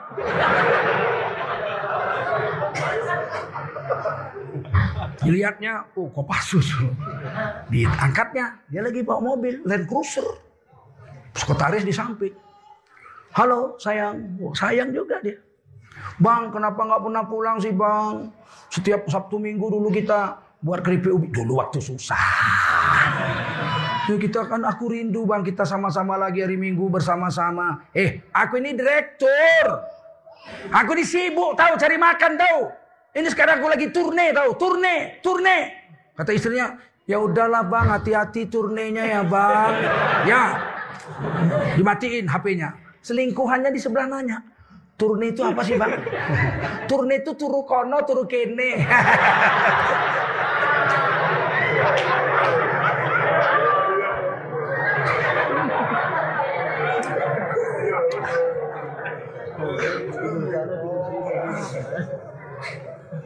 Coba. Udah kaya, lupa sama istri. Istrinya nyanyi, nyambung nyanyinya. Tiada ku sangka, tiada ku duga berubah cinta setelah kau kaya. Betapa tega hatimu, oh kasih cintaku engkau khianati. Ternyata hidup miskin lebih bahagia daripada hidup jadi orang kah? Betul? Mudah-mudahan ibu miskin. Amin. miskin bahagia, kaya sengsara, pilih mana? Pilih kaya bahagia Pak Ustadz. Tapi kadang-kadang Allah tidak berikan apa yang kita mau. Kadang-kadang Allah Allah mengetahui bahwa Allah akan berikan kepada kita apa yang kita perlu. Kalau perlu kita kaya, selamat iman kita, Allah kayakan kita. Ada orang yang makin kaya makin soleh. Makin kaya makin soleh. Ada. Dulu ada Nabi Sulaiman, Nabi Dawud, Abdurrahman bin Auf. Makin kaya makin soleh. Sekarang pun banyak orang yang makin kaya makin soleh. Makin kaya makin soleh. Makin kaya makin soleh. Ada yang makin miskin makin soleh. Makin miskin makin soleh. Ada. Banyak. Kenapa begitu? Sebab Allah memberi apa yang kita per... Dengan pemberian Allah tuh. Allah mau kita selamat dunia akhirat. Paham sampai sini? Ibu mau masuk surga? Jawab yang kuat. Mau masuk surga ibu? Bapak diam aja lah. Kan aku tanya ibu. Ibu mau masuk surga? Empat langkah bu. Berapa langkah? Langkah pertama jaga sholat lima waktu. Sanggup? Yang kuat bisa? Langkah kedua selesaikan puasa Ramadan. Bisa? Uh, udah semifinal bu. Dua langkah lagi bu masuk surga nih. Langkah ketiga wahafazat farjaha. Tutup aurat Jangan selingkuh sekalipun sampai mati. Bisa? Bisa. Ini kan bagus nih pakai jil kerudung, nih pakai kerudung. Pakaian wanita itu ada dua di dalam Quran. Berapa? Yang pertama pakai kerudung. Surah Al-An-Nur 31. Waliyadribna bihumurihin ala juyubihin. Wajiblah wanita menutup auratnya dengan kerudung illa ma minha kecuali wajah dan tapak tangannya saja dan kerudungnya itu wajib panjang sampai dadanya. Jadi pakai kerudung sampai dada. Ada orang perempuan pakai kerudung tapi dililitkan di leher macam ular kobra. Kurang panjang. Paham? Kemarin Menteri Dalam Negeri mengeluarkan surat keputusan permen peraturan menteri semua pegawai negeri dari Kementerian Dalam Negeri kalau pakai jilbab, jilbabnya wajib dimasukkan ke dalam baju. Loh, kata Allah dijulurkan keluar dah. Kok malah dimasukkan ke dada? Proteslah kita. Ulama protes, saya protes, semua protes. Boleh protes? Boleh. Pasal 28 ayat 1 kemerdekaan mengeluarkan pen. Pasal 29 ayat 2 Negara menjamin tiap-tiap negara-negara untuk menu agama dan mengamalkan ajaran agama masing. Menutup aurat bagi wanita itu kerudungnya sampai dadanya bukan dimasukkan ke dalam. Kita protes itu surat tidak berumur lama langsung dicabut lagi. Jadi peraturannya itu kayak kura-kura. Muncul sebentar masuk lagi. Apakah kita orang Islam diam? Yang enggak kita protes. Betul nggak? Didengar, mesti didengar. Karena Pancasila Undang-Undang Dasar 45 negara menjamin tiap-tiap warga negara untuk memeluk agama dan menjalankan ajaran agamanya masing. Orang Islam tutup kerudung itu wajib. Nah, dia pakai. Alhamdulillah selamat. Indonesia ini kan negara Pancasila Undang Dasar 45. Kalau melanggar Undang-Undang Dasar 45 melanggar Pancasila, kita boleh protes, betul nggak? Dan peraturan yang melanggar itu harus dicabut, betul?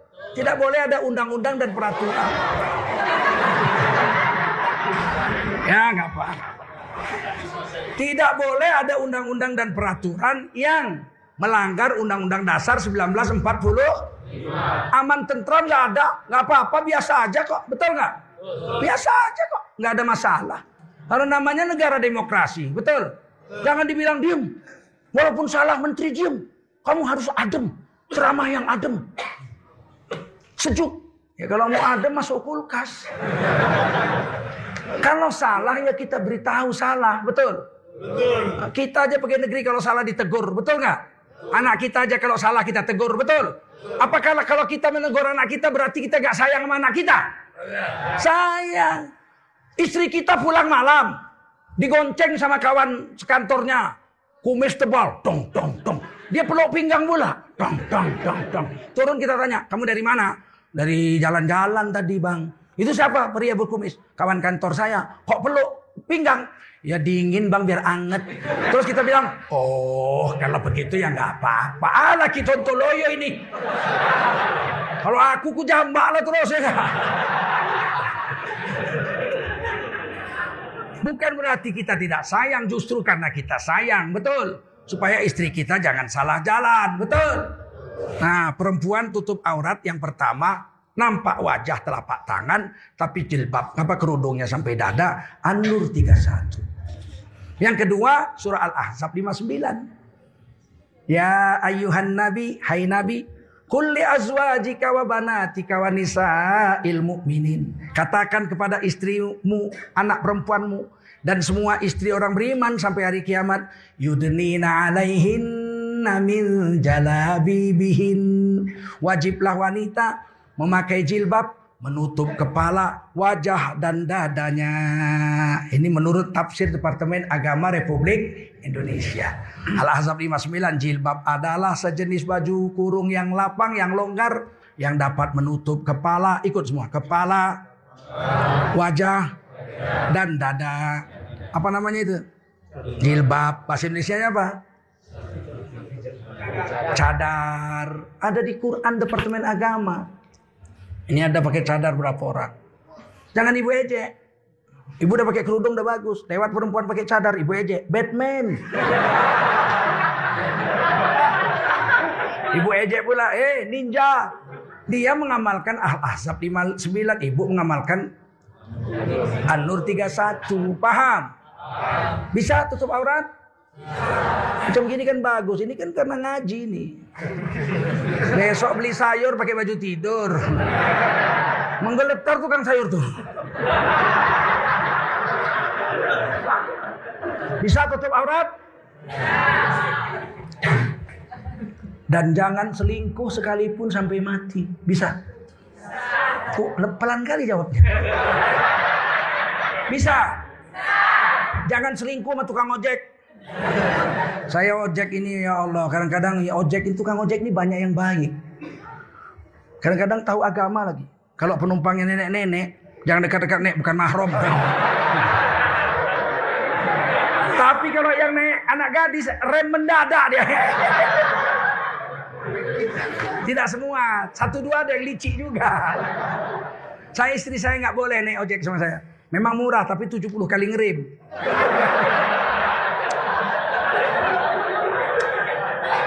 Mau masuk surga? Tutup aurat, jangan selingkuh. Jangan percaya mulut laki-laki, Bu. Ini laki-laki ini mulutnya, penipu semua ini. Percayalah bu, pembohong semua ini. Kan sudah dibilang nenek kita, terang bulan terang dikali, buaya timbul kusangka mati. Jangan percaya mulut laki-laki, berani sumpah tapi takut mati. Pembohong semua ini. Yang jujur itu cuma suami ibu satu aja. Kalau mulut ustad, ustad juga manusia. Sama saja. Ustad pun kalau udah manis-manis. Adik, belum pernah abang melihat perempuan yang cantik seperti adik ini. Penipu kau biarpun ustad. Perempuan ini kan kadang nggak ngerti. Suami ini pun nggak ngerti. Kasarnya bukan main sama istri. Pagi-pagi istrinya udah mandi pakai baju merah, dibentak sama lakinya. Pakai baju merah kau. Kampungan kau. Ditanduk lembu baru kau tahu. Di manalah ada lembu dalam rumah. minta istrinya aja lah. Tapi begitu dia keluar rumah, lewat di depan rumahnya perempuan pakai baju merah. Marah dia. Enggak. Apa yang terjadi? Dia lihat pakai baju merah. Apa dia bilang? We eh, we. Cantiknya pakai baju merah. We eh, we. Penggemar monyong putih ya. Bininya kayak baju merah dibentaknya. Bini orang we eh we. Itulah laki-laki jangan percaya. Pembohong semua. Percayalah satu laki-laki saja. Betul. Man perempuan ini itulah udah tahu laki-laki di mata keranjang. Dia percaya juga sama laki-laki. Mau dia dikeranjangi laki-laki. Jangan percaya mulut laki-laki. Apalagi mulut artis. Kayaknya serius, bohong. Kalau artis itu kan seperti serius. Macam serius betul lah kata orang Medan. Bila kamu serius betul di sisiku. Hati rasa rindu. Koyok betul kali padahal bininya empat. Ibu mau masuk surga? Jangan selingkuh tutup aurat bisa? Tinggal yang terakhir yang keempat. Wa ta'at zaujaha. Taat sama suami tidak pernah melawan sekalipun sampai mati bisa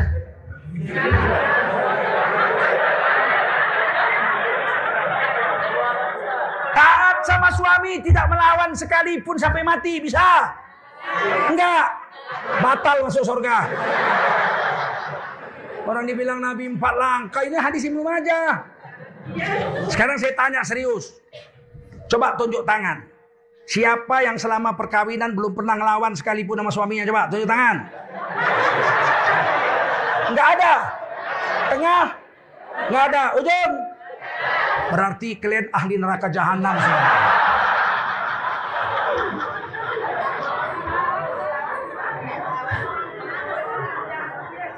Jangan melawan suami. Apa?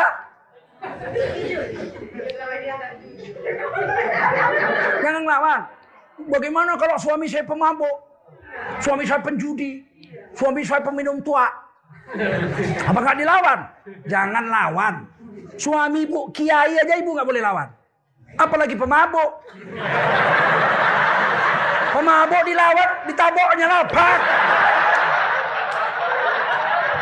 Pemabuk dilawan. Dia pulang aja udah oyong. Jalan selangkah mundur tiga langkah. Orang jalan 15 menit sampai. Dia dua jam setengah belum sampai-sampai. Udah sampai pening kepalanya. Buka pintu. Datang ibu. Wep, wep, wep, wep, wep, wep, Pak.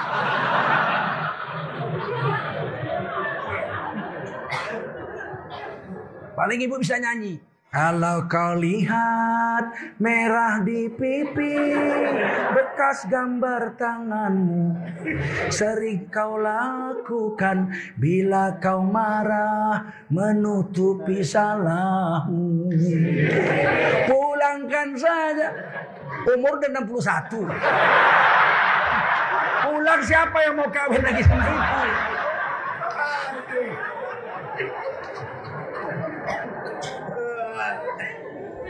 Jangan melawan. Dia pulang diam.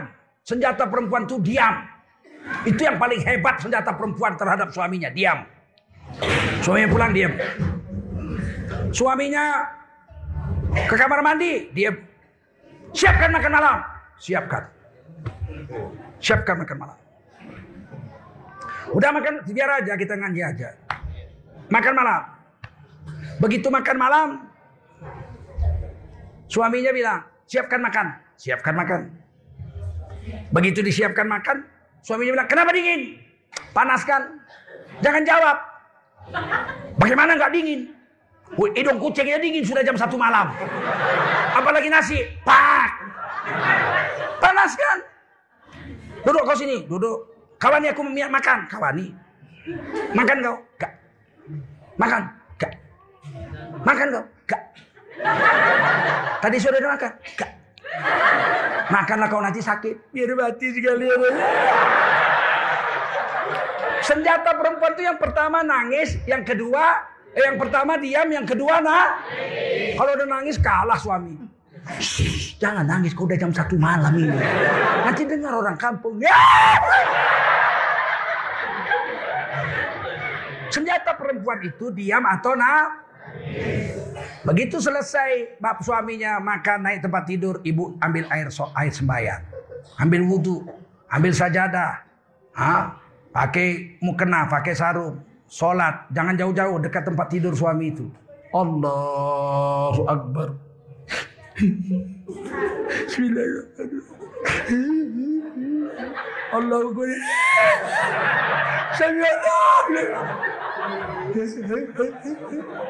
Habis itu udah ya Allah Tuhanku ya.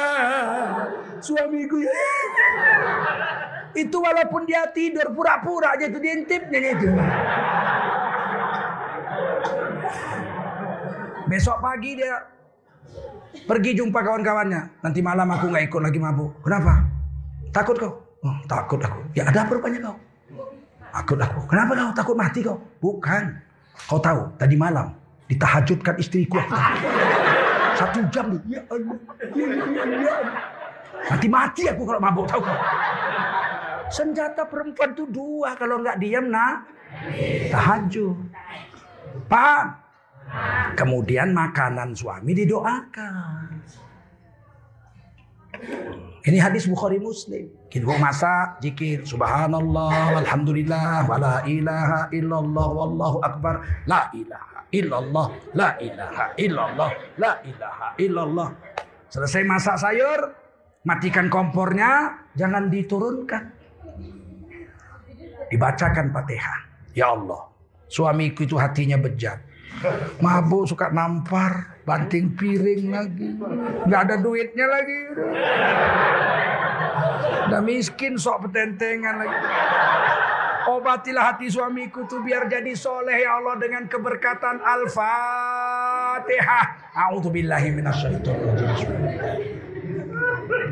Qairil maghdubi alaihim waladdallin. Amin. Ludahkan ke sayur.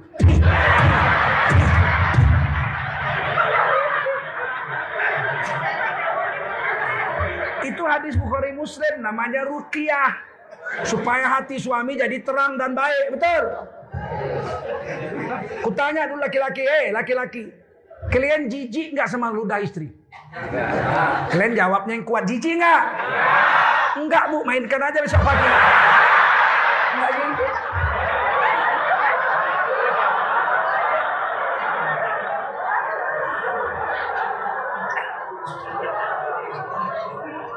Empat jalan perempuan masuk sor.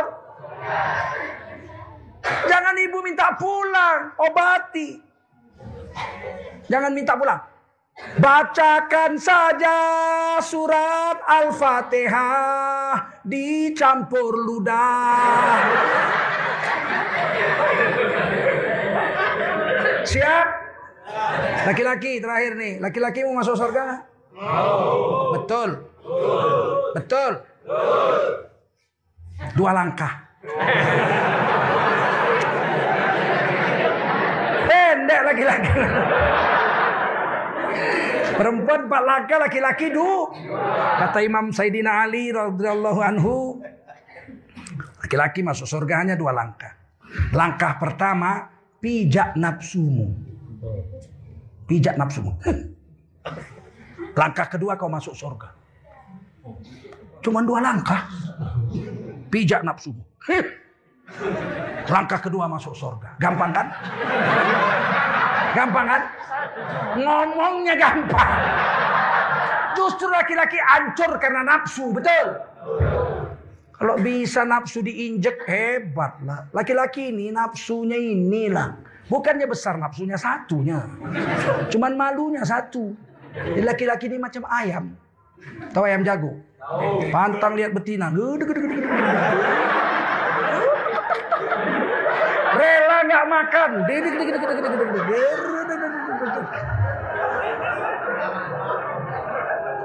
Ini susahnya laki-laki.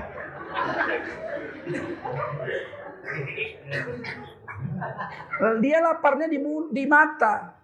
Saya pernah punya ayam jago, banyak ayam saya ratusan ekor. Saya bikinkan kandang dari besi untuk dua ekor. Saya mau keturunan yang bagus kawin supaya anaknya hebat.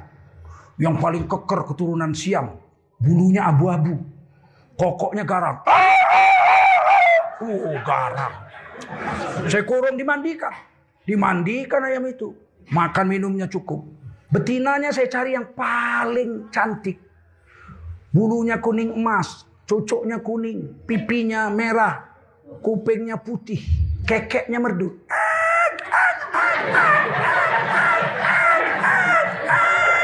Badannya montok. Dimandikan. Kurung supaya mereka kawin, nggak campur yang lain, nanti anaknya unggul-unggul.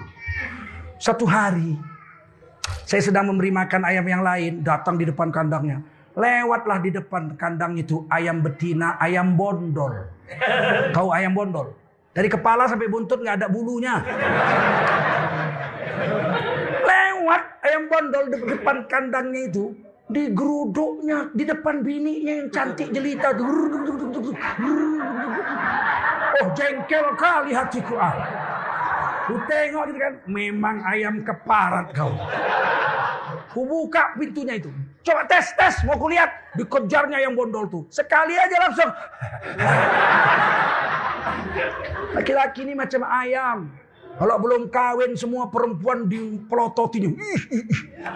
Waduh. Ting, ting, ting, ting, Begitu kawin seminggu langsung pucat. Minum kuku bima TL. Kalian mau masuk surga nggak? Satu langkah aja.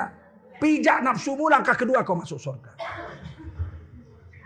Aman itu aja. Maka kata Rasul, hei laki-laki. Kalau kau jalan-jalan, jumpa perempuan cantik di jalan, bergetar hatimu. Pulang. Segera jumpai istrimu. Karena apa yang ada di sana semuanya ada sama istrimu.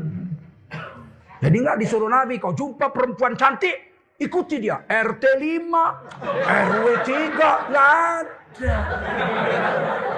Kalau kau lihat perempuan cantik bergetar jantungmu pulang jumpai istrimu.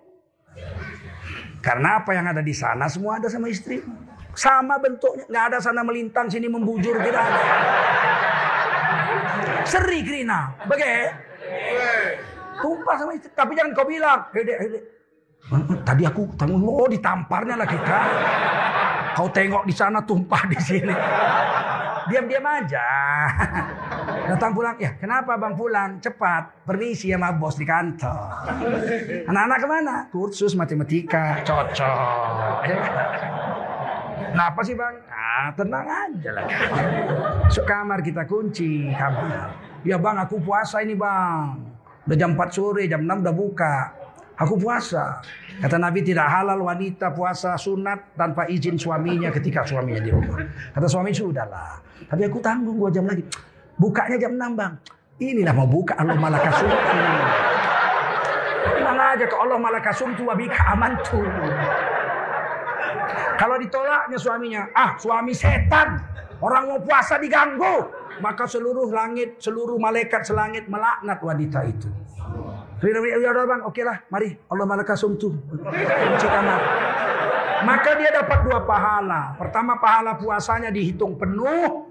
Yang kedua dia dapat pahala melayani suaminya. Oleh karena itulah hai wanita, kalau suami udah mau jangan pentolak. Berbahaya bagi kami suami. Kalau dia udah mau kata Nabi, hei wanita, layanilah suamimu. Walau di atas kompor sekalipun. Ya hangus biar sama-sama hangus. Mudah-mudahan kita menjadi suami istri yang sakinah mawaddah warahmah. Soleh dunia akhirat. Masuk surga bersama-sama suami istri dan anak cucu cicit kita. Bersama masyarakat kita. Dan kita berdoa supaya karu si malam ini. Tanah karu si malam ini menjadi tetap sejahtera sampai hari kiamat. Di sinilah kita lahir, di sinilah kita besar, di sinilah kita akan mati. Dan anak cucu cicit kita sampai hari kiamat. Betul. Saya biarpun merantau ke mana-mana. Saya udah tiga prima negara keliling dakwah. Begini jelek-jelek lah ya. Kata orang Medan sudah berserak kencingku di mana-mana. Rindu juga aku sama tanah karu. Demi Allah tiap tahun pulang aku kemari. Nginap saya di Sinabung, itu hotel Sinabung. Saya bawa anak cucu saya. Saya senang anak saya lari-lari di rumput-rumput itu. Saya bawa ke kota Bulusan. Inilah kota. Kota Buluh inilah kampung Bulangmu dulu. Dari sinilah kita tumpah darah pertama kita di sini. Inilah yang kita makan di kangkung Sinabung. Kangkung Sinabung itu dibawa ke Amerika pun masih tetap kerkes, kerkes, kerkes. Maka Wong Solo itu semua kangkungnya dari Sinabung. Dua bulan yang lalu saya umroh, udah ada Wong Solo di Jeddah. Saya bilang mana kangkungnya? Oh, kangkung saya itu. Masih bunyi itu kerkes-kerkes. Ini kangkung sinabung. Iya. Kok bisa sampai sini? Naik kapal terbang 8 jam. Mak kangkung sinabung. Naik kapal terbang. Petaninya naik kereta lembu.